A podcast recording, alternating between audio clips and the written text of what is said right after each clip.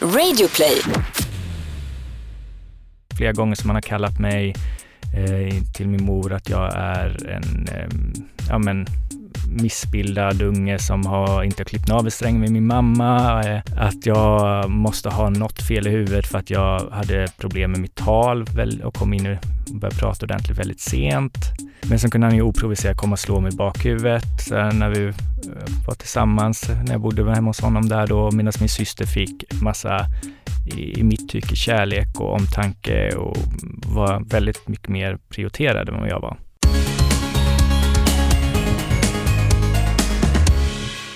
Hej Tobias! Hallå Anton! Och hej till dig som lyssnar. Du lyssnar på Regnbågsliv, Sveriges största hbtq-podd, där vi pratar om läggning, könsidentitet, självidentifikation, mänskliga rättigheter och mycket annat tillsammans med våra gäster. Hur mår du idag Tobias? Det är mycket idag. Det är mycket. Ja, så jag vet inte riktigt. Ja, men jag känner det. Jag känner innan vi spelade in var vi lite så irriterade på varandra. Eller vi är väl? Är, är, är vi good? Det är väl alltid lite irriterat, men det är där uppstår lite spänning och lite dynamik tänker ja, jag. Ja precis. Jag kan säga till dig som inte hörde vad vi sa innan vi klickade på inspelningsknappen så var jag lite irriterad på Tobias att han inte tog bort sin mobiltelefon och Jag höll på att förbereda saker, gjorde ja. jag Men eh, är vi redo? Är vi fokuserade? Det är vi, är vi alltid, laddade? när vi sitter här då är det game on Anton Ja men vad bra Då kör vi Då är vi enade Ja Men det är mycket nu säger du, vad är det som är mycket? Nej men jag har en väldigt hektisk eh, helg framför mig. Och eh, ja, det är små marginaler hela tiden, det gäller att hinna med allting. Så att eh, jag Vad är små in... marginaler med? Nej men det är att hinna från det ena till det andra har jag väldigt små marginaler, det är liksom någon minut mellan varven liksom. Okej, okay. handlar det om att du, du eh, vill så mycket och att du vill planera in så mycket olika saker eller är det liksom att saker ramlar över dig? För du vet, det är ju två väldigt olika grejer. Nej men det handlar väl om att jag vill göra just de här sakerna och de råkar infalla precis, eh, liksom nästan överlappa varandra. Så att det är det som är väldigt tråkigt bara. Men vet du vad jag har gjort? Du kan få ett tips av mig. Det här är faktiskt ett jättebra tips. Jag har registrerat mig på en en sån här sms-tjänst där man får ett sms varje dag med ett tips på hur man kan eh, koppla av och koppla ner. Till exempel idag så fick jag så här eh, Kom på en sak som du vill göra idag som inte kräver någonting av dig. Till exempel sträckkolla en serie under ett täcke eller bada badkar med en podd i öronen. Igår fick jag eh, ta en kort paus från allt och alla. Sätt på hörlurarna och en låt du gillar. Lyssna sen efter alla instrument i låten. Så jättebra vardagstips.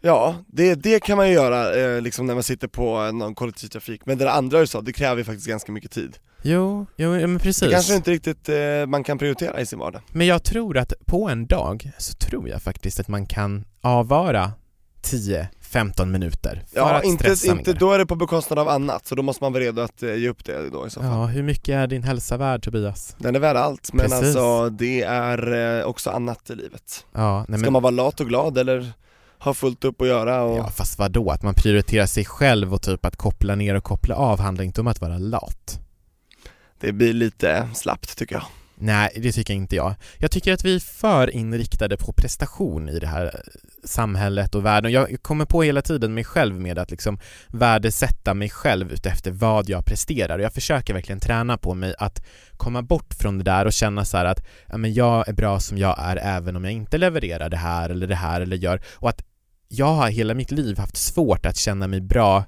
om jag inte kan motivera varför med en prestation, förstår du vad jag menar? Precis, men jag känner bara att prestation är nödvändig för att nå ett mål, så att jag skiter i vad det är, men om det är en prestation som krävs för att nå dit, då gör jag det bara. Ja, och det är ju jättekul och man ska ju ha prestation, eh, prestationsmål och liksom allt såna här grejer. Men det får inte göra så att man mår dåligt, det är liksom det som är min, vad jag tycker, eller vad jag tänker.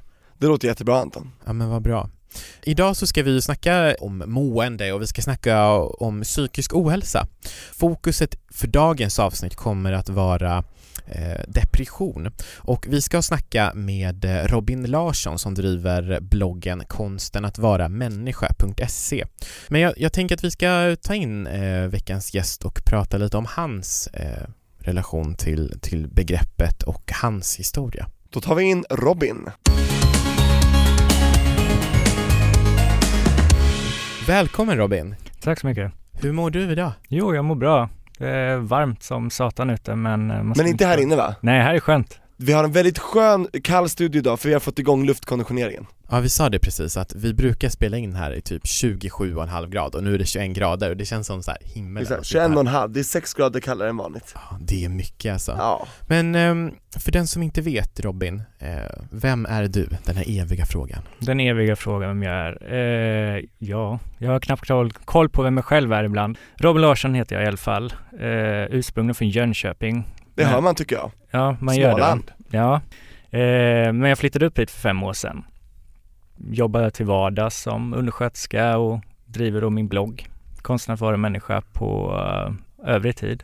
Hur länge har du drivit den? Ett år. Så att det är väl lite vad, vem jag är, vad jag gör. Häftigt. Och du, vi har hört att du ska gifta dig också nästa år. Ja, planen är ju det. Planen är Allt, det. Kyrkan är bokad, eh, vet du, lokalen där festen ska vara bokad. Så att eh, ja, det är väl dags att skicka in inbjud eller ut inbjudan snart. Precis, om du eh, hör det här där ute, kanske får en inbjudan. Mm, ja men verkligen.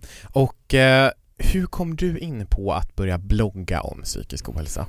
Mest för att själv få sortera mina tankar, eh, hur jag mår för dagen eh, och kunna gå tillbaka till, till det när jag har dagar som är eh, sämre och eh, själv komma till insikt med då att jag har faktiskt haft dagar som är ännu sämre och försöka hitta den här lilla glöden och glädjen i just den dagen jag befinner mig då.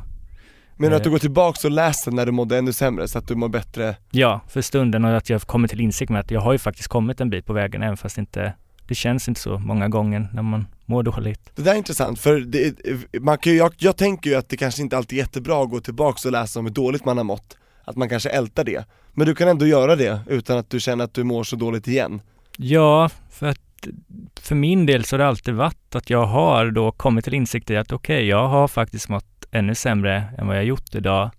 Eh, och sen har det även varit då ibland, har jag, jag skriver ut lite tips och så och det är lätt att ge andra tips men det är svårare att hålla dem själva och tänka på dem. Så att ibland så får man sig en tankeställare igen om att ja, okej, jag kanske ska gå efter de här lite mer själv och pröva på dem. Det där är ju klassiker Ja men verkligen, att man kan vara där för andra men inte för sig själv på samma sätt. Det är många som vittnar om det. Men jag tänkte att vi ska backa bandet eh, eh, tillbaka. Jönköping. Eh, Ja, ja, ja men precis. Hur, hur din relation till depression, hur, den, hur, hur det började? Ja, det var väl första frågan som man själv ställde sig när man kom in i depressionen, vad det egentligen är- har varit som var orsaken till att man hamnade där. Eh, när jag har, sen har tänkt efter så har det väl i stort sett varit i hela mitt liv. Det började redan som ja, barn, två, treåring.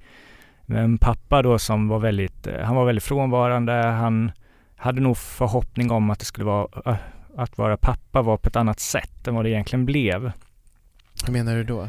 Nej men han trodde väl att det skulle vara ja, men, mysigt, underbart att ha ett barn men samtidigt trodde han väl att han skulle kunna stå kvar i centrumet som han var väldigt fokuserad på. Han ville synas och höras. Eh, men det blev ju inte så. Det blir väl aldrig så när man skaffar barn.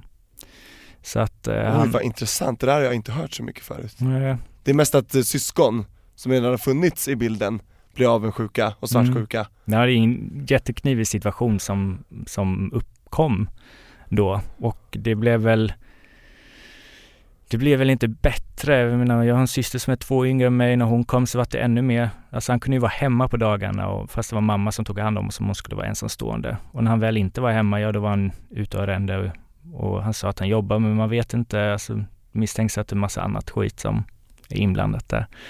Eh, och sedan när vi växte upp så mamma och pappa skilde ju sig eh, när jag var fyra tror jag. Eh, och vi hade ju fortfarande en kontakt med pappa varannan helg. Men eh, eh, det blev inte den bästa förutsättningen för mig. Eh, vi kom väl inte överens, han kände inte mig, jag kunde inte lita på honom. Eh, han var elak mo- eller mot mig, eh, kallade mig saker, han Och då, vad sa han då? Nej men han, alltså inte så in, indirekt så var han elak emot mig. Det var väl aldrig så att han var verbalt elak så, men man kan ha flera gånger som han har kallat mig eh, till min mor att jag är en, eh, ja men missbildad unge som har inte klippt navelsträngen med min mamma. Eh, Oj. Att jag måste ha något fel i huvudet för att jag hade problem med mitt tal och kom in och började prata ordentligt väldigt sent. Eh, använde napp till jag var fem sex år och ja, men mycket sådana grejer. Eh, men sen kunde han ju oprovocerat komma och slå mig i bakhuvudet när vi eh, Eh, var tillsammans, när jag bodde hemma hos honom där då, medan min syster fick massa i, i mitt tycke kärlek och omtanke och var väldigt mycket mer prioriterad än vad jag var. Eh, så det slutade ju då med att jag tog avstånd från honom, eh, i stort sett från alla män. Eh, och kände inte att jag kunde lita på dem. Eh, och det har ju satt sina spår, har det. Eh, och det, ehm, det har väl varit den tuffaste biten till alltihop, även fast jag inte reflekterat över det då. Utan jag tänkte väl att ja, men jag har ju tagit mig igenom det, eh, men inte pratat med det, eller pratat om det så mycket hemma med, med, min, med min mor. Eh, eller min plastpappa då som idag är min pappa. Det var bonuspappa. Ja, vi pratade aldrig om det. Jag ville inte prata om det. Mamma misstänkte väl, men hon tyckte väl någonstans att det var eh, någonting som jag kanske skulle ta upp om vi skulle börja prata om det. Åh vad Eh, jobbigt. Så att det blev en allmänt knivig situation och så min, hade min syster då just för den, det tiden när vi växte upp en ganska så rebell, alltså hon var, en, hon var en, av en rebell.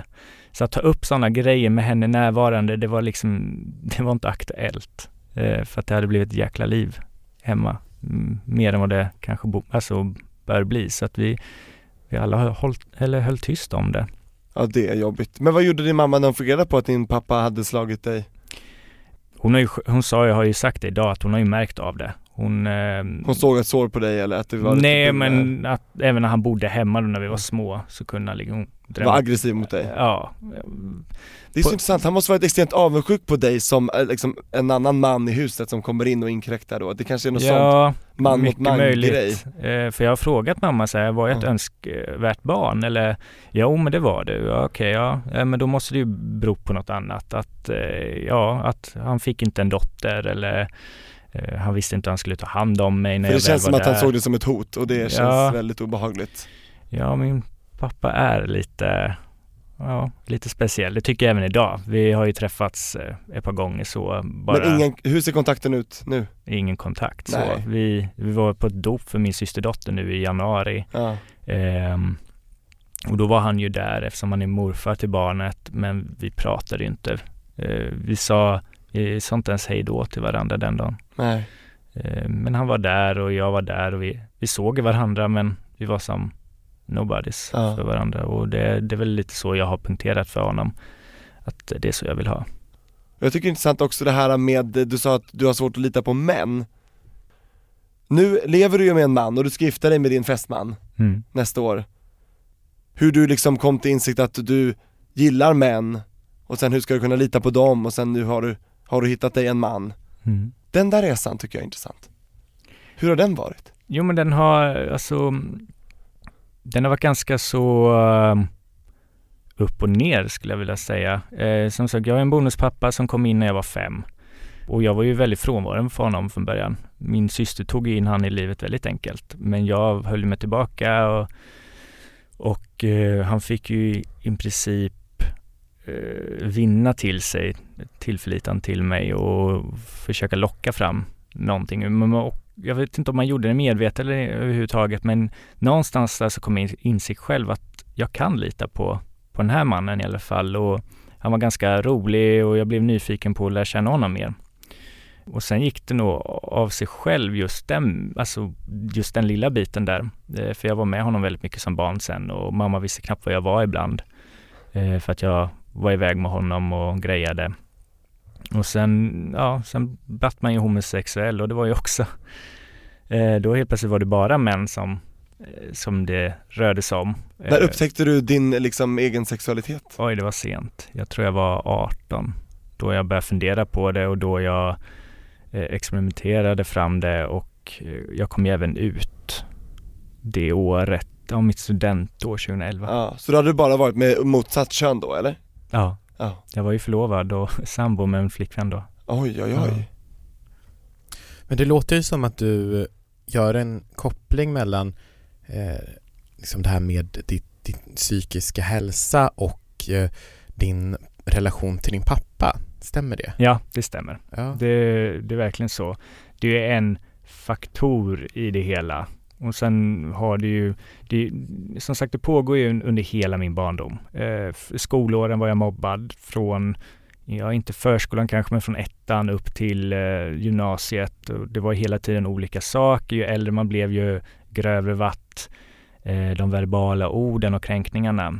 Och i slutet så var det just då att folk eh, trodde, misstänkte att jag var homosexuell, eh, blev kallad bögjävel och sånt i skolan. Och det var ju innan jag själv kom på att jag var det. Så just vid den tidpunkten när de började kalla mig sådana saker så tog jag ganska illa upp. Eh, de skolorna var inte de roligaste. Det var flera gånger sedan jag var sjuk fast jag inte egentligen var sjuk. Jag ville bara inte gå.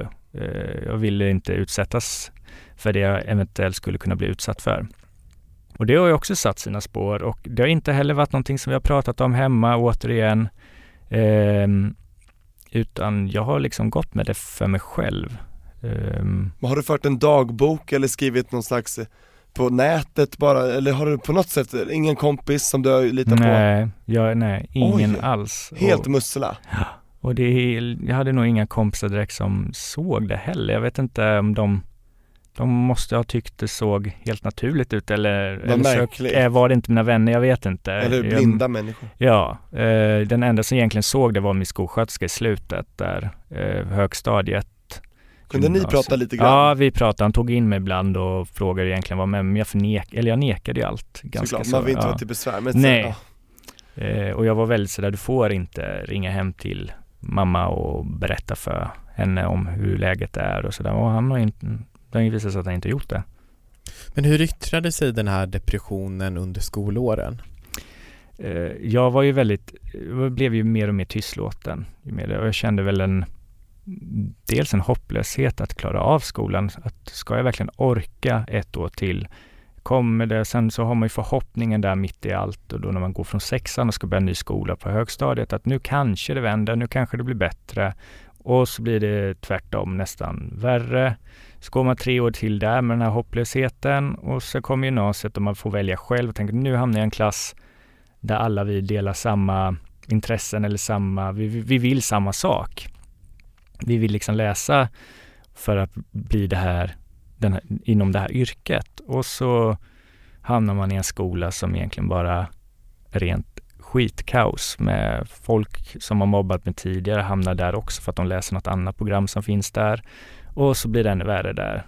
Och där är ännu större lokaler, eh, korridoren är större, eh, lärarna syns inte till på samma sätt och då är man, man är ganska utsatt där. Så att eh, studenten där när jag tog det så var jag ju, den var kul, men det var väl inte så kul som jag kanske skulle njuta av idag om jag hade sluppit att bli Eh, mobbad för att då hade jag nog kunnat njuta till fullo över att det faktiskt var över och för att jag har, hade blivit något. Men jag känner mig ganska så värdelös då. Tappat hoppet kring mänskligheten och mig själv och försökte leva på något slags eh, extra batteri bara för att fortsätta leva för folket runt omkring mig liksom. Alltså du berättar det här så starkt, jag tar oss verkligen tillbaka till du beskriver gymnasiet så, så, bra, alltså en stor skola, det är stora korridorer, lärarna syns inte till lika väl, man känner inte alla så bra. Jag, det, jag tror många också som lyssnar känner igen sig. Alltså där, det ekar bara, alltså tomt, oj oj oj. Ja vad jobbigt det blev. Mm. Det märks att du har en blogg, alltså du, du berättar väldigt bra mm. måste jag säga.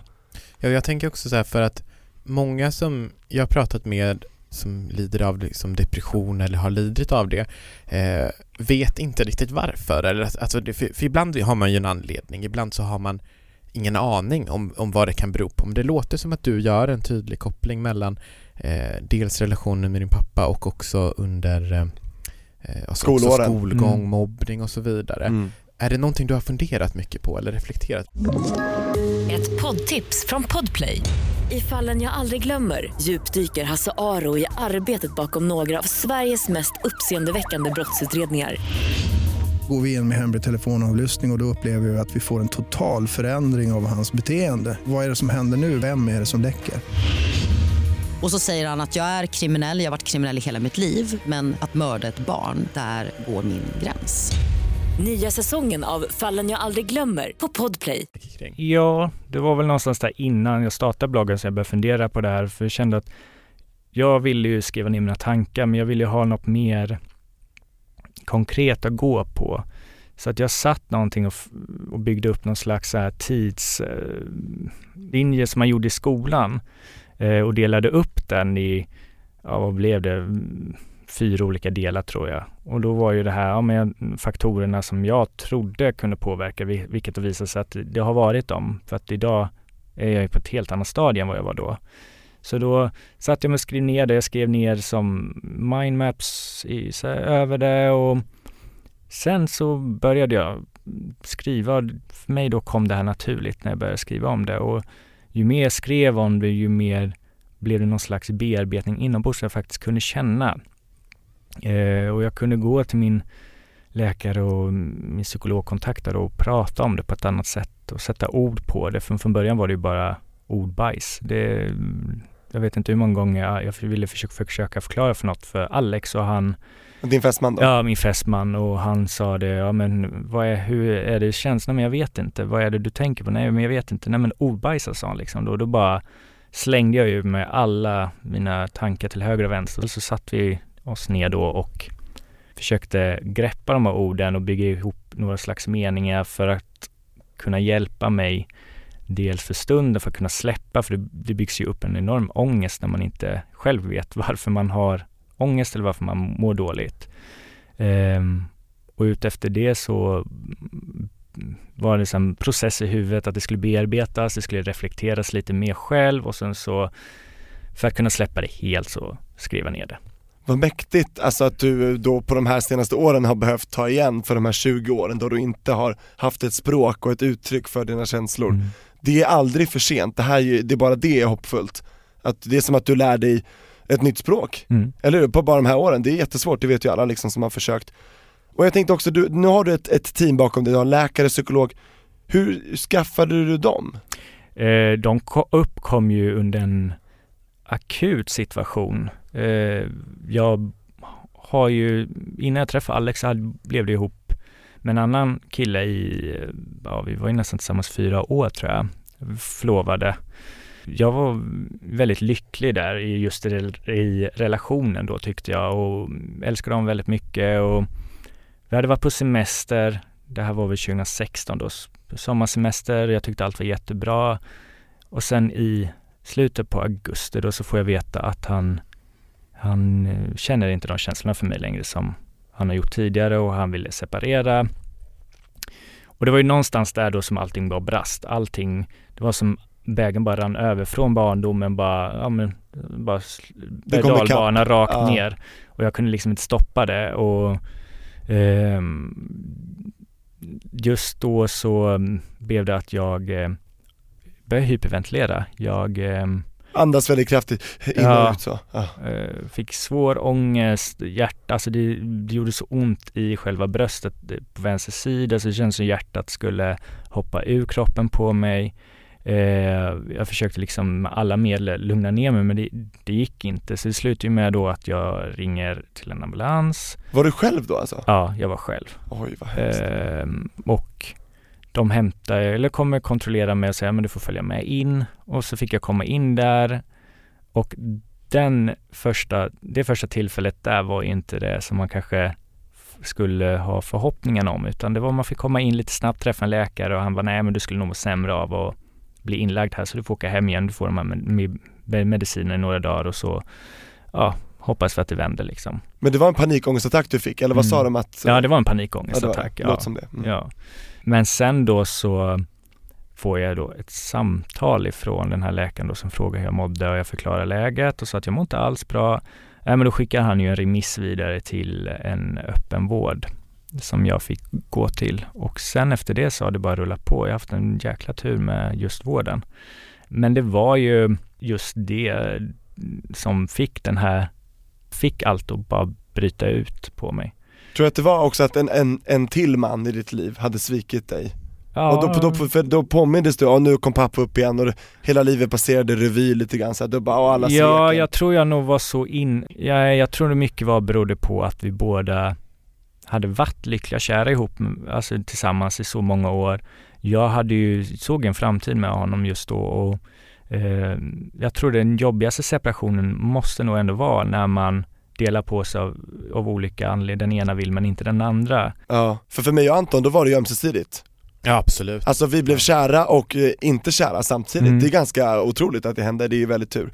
Ja, Men eh, som du säger, när det inte är synkat, då är det alltid någon som blir helt förkrossad alltså. ja, och jag tror det var mycket det att jag såg den här framtiden ihop med honom, han ville inte längre och helt plötsligt står jag utan. Utan lägenhet, utan eh, ett jobb då som jag fick sjukskriva mig ifrån. Jag fick flytta ner till mina föräldrar i Jönköping för vi kunde inte bo under samma tak under den här perioden och eh, helt ovis. Och han ville eh, några, någon vecka senare försöka igen liksom och börja dejta och jag gick ju på den och ja men det, det drogs ut väldigt mycket så egentligen kan jag, säger jag idag att jag blivit lämnad två gånger medan han tycker att han lämnade mig första gången sen försökte vi igen vid jul där och så lämnade jag honom för Alex som är tillsammans med idag. Ja hur kom han in? Han kom in på ett, eh, Eh, han på kom ett in. Ja, han kom in som stöd för mig först och främst. Vi bodde grannar, jag bodde hos min moster då utanför i Hässelby eh, och han bodde ett kvarter bort. Eh, Jag gick dit på kvällarna. Eh, Vi hade kommit i kontakt med varandra via Grindr. Det var liksom inget alls i åtanke överhuvudtaget. Jag behövde någon att bara... Det var ingen sexuell utan det var mer, Ja, jo, lite sexuellt Lite kanske det var. Mm. de som vet den appen vet ju. Ja, eh, men just då så hade jag punkterat det för honom väldigt tydligt att jag har en separation. Den är inte klar än, jag vet inte hur det urartar sig. Vi håller på att liksom hitta en lösning på det. Och han liksom sa det, men du kan väl komma över bara och prata om du behöver någon att prata med. Så då gjorde jag det. Och sen så sågs vi nog i två veckors tid tror jag, eller något sånt där. Bara alltså prata, inga krav på någonting, vi dejtade inte. Men pratar varje dag liksom. Ja, varje kväll så gick jag dit och han var som min, mitt bollplank. Wow. Eh, och det är helt otroligt hur han kunnat tackla det. Men han, han är jävligt klok. Det har konstaterats nu att han, eh, han är väl den som har hjälpt mig mest genom att ta mig ur härifrån. Det var väl så vi träffades. Sen kom ju känslorna på sitt sätt. Vi bestämde oss ganska snabbt båda två för våra egna skallar att eh, det är honom jag ska vara med. Och sen så föll allt naturligt. Och idag sitter vi ja, ett och ett halvt år senare förlovade och gifta oss nästa år. Så att, ja. Wow, alltså vad kul att det blev ett lyckligt slut, för det är inte alla som råkar träffa någon de blir kär i mitt under en så här pågående depression eller man säger så, men det är ju, och man säger det folk som är kära, att man mår ju överlag lite bättre i livet när man är kär, det är, allting blir lite roligare, man presterar lite bättre Så att det är ju jättegrattis att du, att du kunde få det extra bränslet precis där och då när det verkligen behövdes som mest ja, det är jätteskönt. Eh, men vi har ju konstat, eller vi har ju kommit fram till att den Robin jag var personlighetsmässigt eh, i stadiet, eller det stadiet jag var då när vi blev tillsammans och började dejta, eller inte dejta utan träffades och bara prata. Den Robinen finns ju inte kvar idag. Jag var ju väldigt eh, i en bubbla om mig själv, jag var olycklig, orkade inte med någon vardag riktigt, eh, var hemma om dagarna. Jag har ingen riktning, inget mål direkt. Nej, jag var väldigt låg, alltså där jag, mina vilsen. Ja, väldigt vilsen. Och idag har jag ju ett temperament som han kanske inte riktigt är van vid att se fortfarande. Han, ändå, han älskar ändå Ja, dig, han liksom. älskar mig fortfarande. Det är jättekonstigt ibland tycker jag. eh, för jag kan vara en riktig ragata idag. Men det är kul, man vill inte vara med någon som är tråkig och mesig Nej, han var ju orolig för det ett tag då när du, när jag, han sa det, när du mår bra igen, då är det inte säkert att du vill vara med mig längre. Eh, för att Åh. jag, det kanske bara är tillfälligt, men vi får väl njuta av den här tiden just nu då. Men eh, nej, vi har Som ju... att du skulle utnyttjat honom bara för att säga get Ja, over it han var väl rädd att det skulle vara Rebound. rebound. först eh, och sen var det väl för att jag inte var mitt, mitt sinnesfulla bruk med själv. Så att när jag kommer tillbaka till min egna vardag så skulle jag säga, ja men det här var inte så kul om jag drar vidare. Men vi har ju vuxit som ett par, vi växer liksom ihop mer och mer vad tiden går. Jag tror att det är helt rätt. Att alla, det är inte alla som blir så här blixtförälskade, kärlek på första ögonkastet. Jag tror inte riktigt mycket på det. Men utan man blir också förälskad över tid och man kan ju liksom lära sig, om du fattar vad jag menar, att älska varandra Ja, också. det där är ju väldigt individuellt. Det är alltså, det. det är ju olika för alla egentligen. men man ska inte hänga upp sig, det jag menar, man ska inte hänga upp sig på kärlek vid första ögonkastet ja, utan är man kan också bli kär i någon. kanske inte alltid Ja. stämmer, är det det du menar? Att Precis, att liksom- man kan ju också Ja. bli kär i någon. Ja absolut. Man är inte bara det Visst så här så. direkt. Men jag tänker också på det här ehm, med det här svartvitheten i depression, alltså för att det är ju inte svart eller vitt, alltså så att man mår dåligt eller man mår bra. Eh, och nu beskriver du att du mår bättre än när du mådde som sämst. Mm. Men skulle du fortfarande klassa dig själv som eh, du har depression eller hur, hur ser det ut just nu? Att vara deprimerad är en sån, det är ganska så, vad ska man säga, mörkt ner dit. Eh, Men däremot har jag absolut dåliga dagar fortfarande då jag känner mig lägre, eh, där jag egentligen inte har lust med någonting. Men det är på ett mer humant sätt. Eh, Och jag kan ta tillvara på det och ta hand om mig själv då. Men nej, jag, jag kallar mig inte själv deprimerad fortfarande, alltså sen när jag får hamna i något sånt där.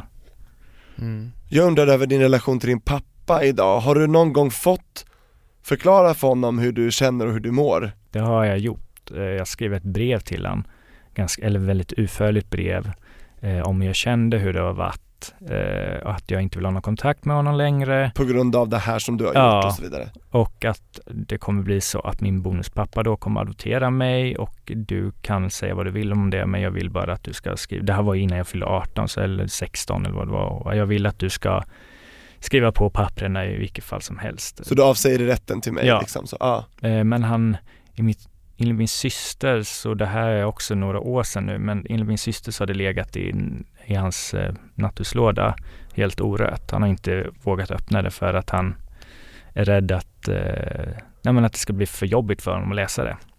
Oj, Så, att, så det blev inget svar på det? Nej, det blev aldrig något svar där. Eh, Men jag tror han har fattat eh, vinkeln och piken i det hela, att jag inte vill ha någon kontakt med honom. mm. Och sen blev det 18 så då slutade det effekten Ja. liksom, av det? Det är ju liksom, nu spelar väl ingen större roll. Nej, Det är väl om jag dör som det skulle skita sig, men det kan man ju skriva av väldigt du har ju ett testamente där Ja. ja. Jag tänkte fråga dig också, tror du att han har haft något problem med din läggning? Din homosexualitet? Har det någonsin varit någonting? Som han har haft något problem med? Eh, Ja, eh, inte så att han har sagt det till mig heller, men han blev ju eh, ännu mer frånvarande från mig efter jag kom ut. Och hur har du märkt det? Har du kommit via din lilla syster igen då eller? Ja, Ja. det är väl många gånger där, man, där, där de har jobbat tillsammans, för de jobbar inom samma, ja men de är lastbilschaufför båda två.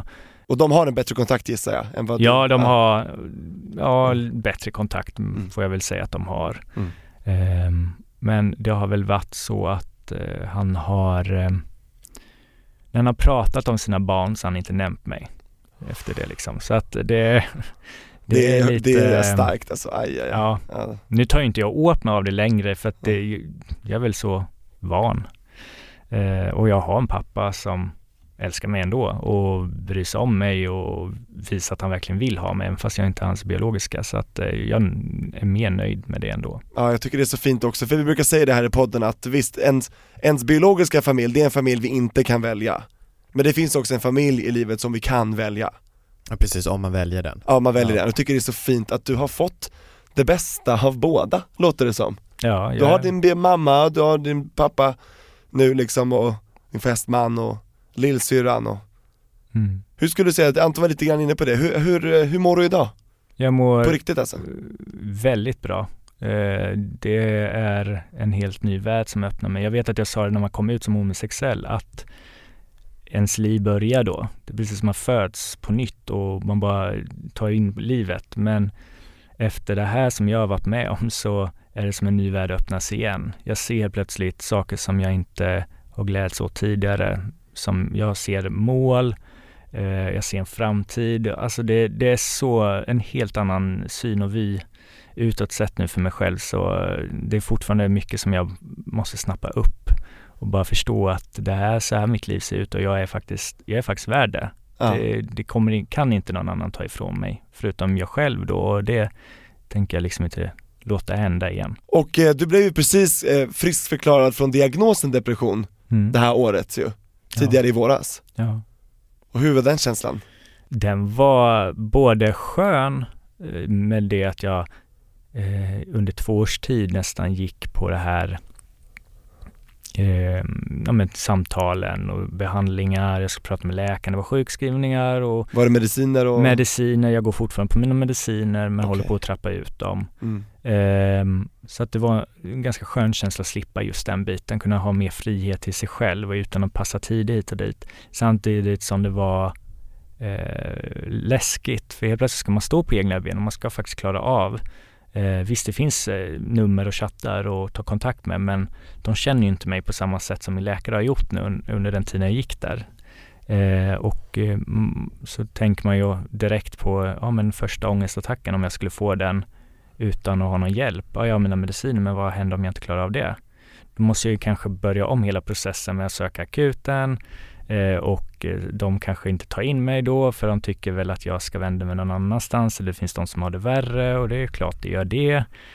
Så att mm, det var blandade känslor. Men eh, idag säger jag, idag tycker jag det är jätteskönt alltihop.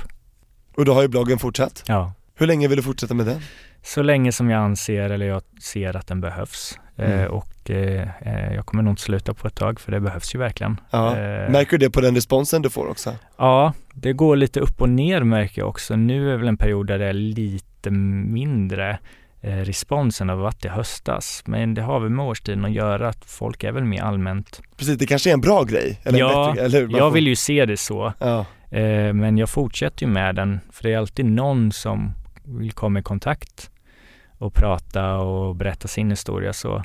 Sen personligen så har jag ju själv valt att eh, vrida bloggen lite nu, för det har ju varit väldigt mycket på mina tankar hur jag har mått och eh, mitt liv. Nu har jag väl riktat den mer på allmänt, men tips och hur människan fungerar, vad man bör göra, vad man bör, inte bör göra och eh, istället för att bara prata ifrån mitt perspektiv. Sen även så drar jag ju eh, erfarenheter från mig själv och utgår i allt ifrån mig själv. Det är inte så att jag eh, sitter och läser forskning och skriver om, för det känns inte som det är något aktuellt. För det är så mycket som man redan vet som människa och då behöver inte jag sitta och dra upp det ännu mer. Ja. Utan vill man läsa in mer ingående på det med mer professionellt och sådär, ja, då får man läsa forskningen själv liksom. Utan ja. det, jag tror mer på livserfarenheten, teori och forskning. Ja, och vi märker, vi skulle kunna sitta och prata om det här hur länge som helst. Men vår tid börjar tyvärr rinna iväg. Men jag tänker som att du varit inne på det, att du har lite tips och sådär. Om någon sitter där ute och du som lyssnar där ute vill ha lite tips, kan man, kan man ge ett par tips? Eh, kanske några, tre stycken eller något sånt där? Ja, eh, prata, öppna upp sig och våga. För det finns alltid någon som lyssnar. Det kanske inte är ens närmaste som mamma och pappa utan det kanske är någon kompis kompis på någon fest eller ja, vem som helst egentligen. Eh, och sen då ta till sig det eh, råd och eh, svar som man får av, av genom att prata eh, och inte kräva full förståelse för det kan man aldrig få. Och när man väl har då fått ta emot de här tipsen eh, och svaren så är det bäst att bara försöka och gå efter dem och pröva på. Eh, för att man kommer alltid st eller starkare ur det. Även fast man inte kommer till den nivån som man själv önskade så kommer man alltid en bit på vägen. Och ju mer man pratar och gör de här grejerna, ju längre tar man sig själv och eh, håller ut. Man ger det liksom inte upp lika enkelt. Våga prata, var lyhörd och våga följa det och sen börja om igen. Ja. Mm. Och om du som lyssnar eh, själv lider av psykisk ohälsa och inte har någon att prata med så finns det ju Eh, skolsköterskor, det finns eh, ungdomsmottagningar och det finns också på 1177.se har de en eh, lista med föreningar som jobbar med just psykisk ohälsa om det är eh, någon sån du vill kontakta. Gör det, var inte ensam i, i din psykiska ohälsa för det behöver du inte vara. Nej, och du är inte det. Och det finns professionell hjälp att få, folk som bara längtar efter att få hjälpa dig och prata med dig. Det känns också väldigt tryggt tycker jag. De finns där för dig. Tusen tack Robin för att du eh, var med oss idag och berättade din historia. Tack själv för att jag fick komma. Underbart. Var hittar man dig? Berätta, din blogg heter? Eh, konstenatvaramänniska.se, så www.konstenatvaramänniska.se eller människa om man ska vara korrekt. Just det, bort med prickarna. Ja. Mm. ja. Nej men in, in och eh, läs Robins eh, blogg och eh, jag hoppas att vi hörs igen nästa vecka. Då säger jag och Anton och Robin tack för oss.